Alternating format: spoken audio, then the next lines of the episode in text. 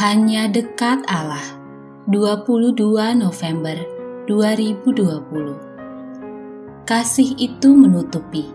Amsal 10 ayat 12. Kebencian menimbulkan pertengkaran, tetapi kasih menutupi segala pelanggaran. Demikianlah peringatan penulis kitab Amsal. Rasa benci terhadap seseorang akan membuat kita cenderung menilai apa pun yang dilakukannya pasti salah. Nggak ada yang benar.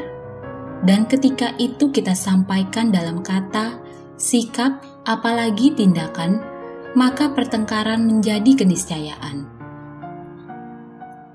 Sebaliknya, kasih itu menutupi pelanggaran. Kasih membuat kesalahan besar terasa kecil, dan kesalahan kecil jadi tak berarti. Ini tidak berarti kita menurunkan standar. Yang salah tetap salah. Namun, kita mesti percaya bahwa bagaimanapun yang bersalah pun pasti merasa bersalah. Penghakiman kita hanya akan membuat bebannya menjadi dua kali lipat. Dalam suratnya kepada warga jemaat diaspora di Asia Kecil, Paulus menulis, "Tetapi yang terutama, kasihilah sungguh-sungguh seorang akan yang lain." Sebab kasih menutupi banyak sekali dosa.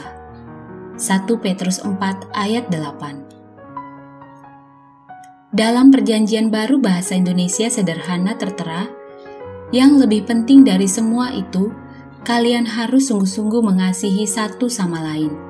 Sebab dengan saling mengasihi, kalian akan mampu untuk saling mengampuni.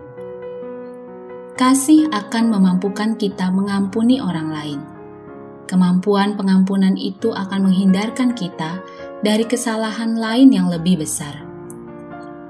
Dan tentu saja membuat orang tersebut terhindar dari rasa kecewa atau marah karena belum mendapatkan ampunan. Salam semangat dari kami, Literatur Perkantas Nasional, sahabat Anda bertumbuh.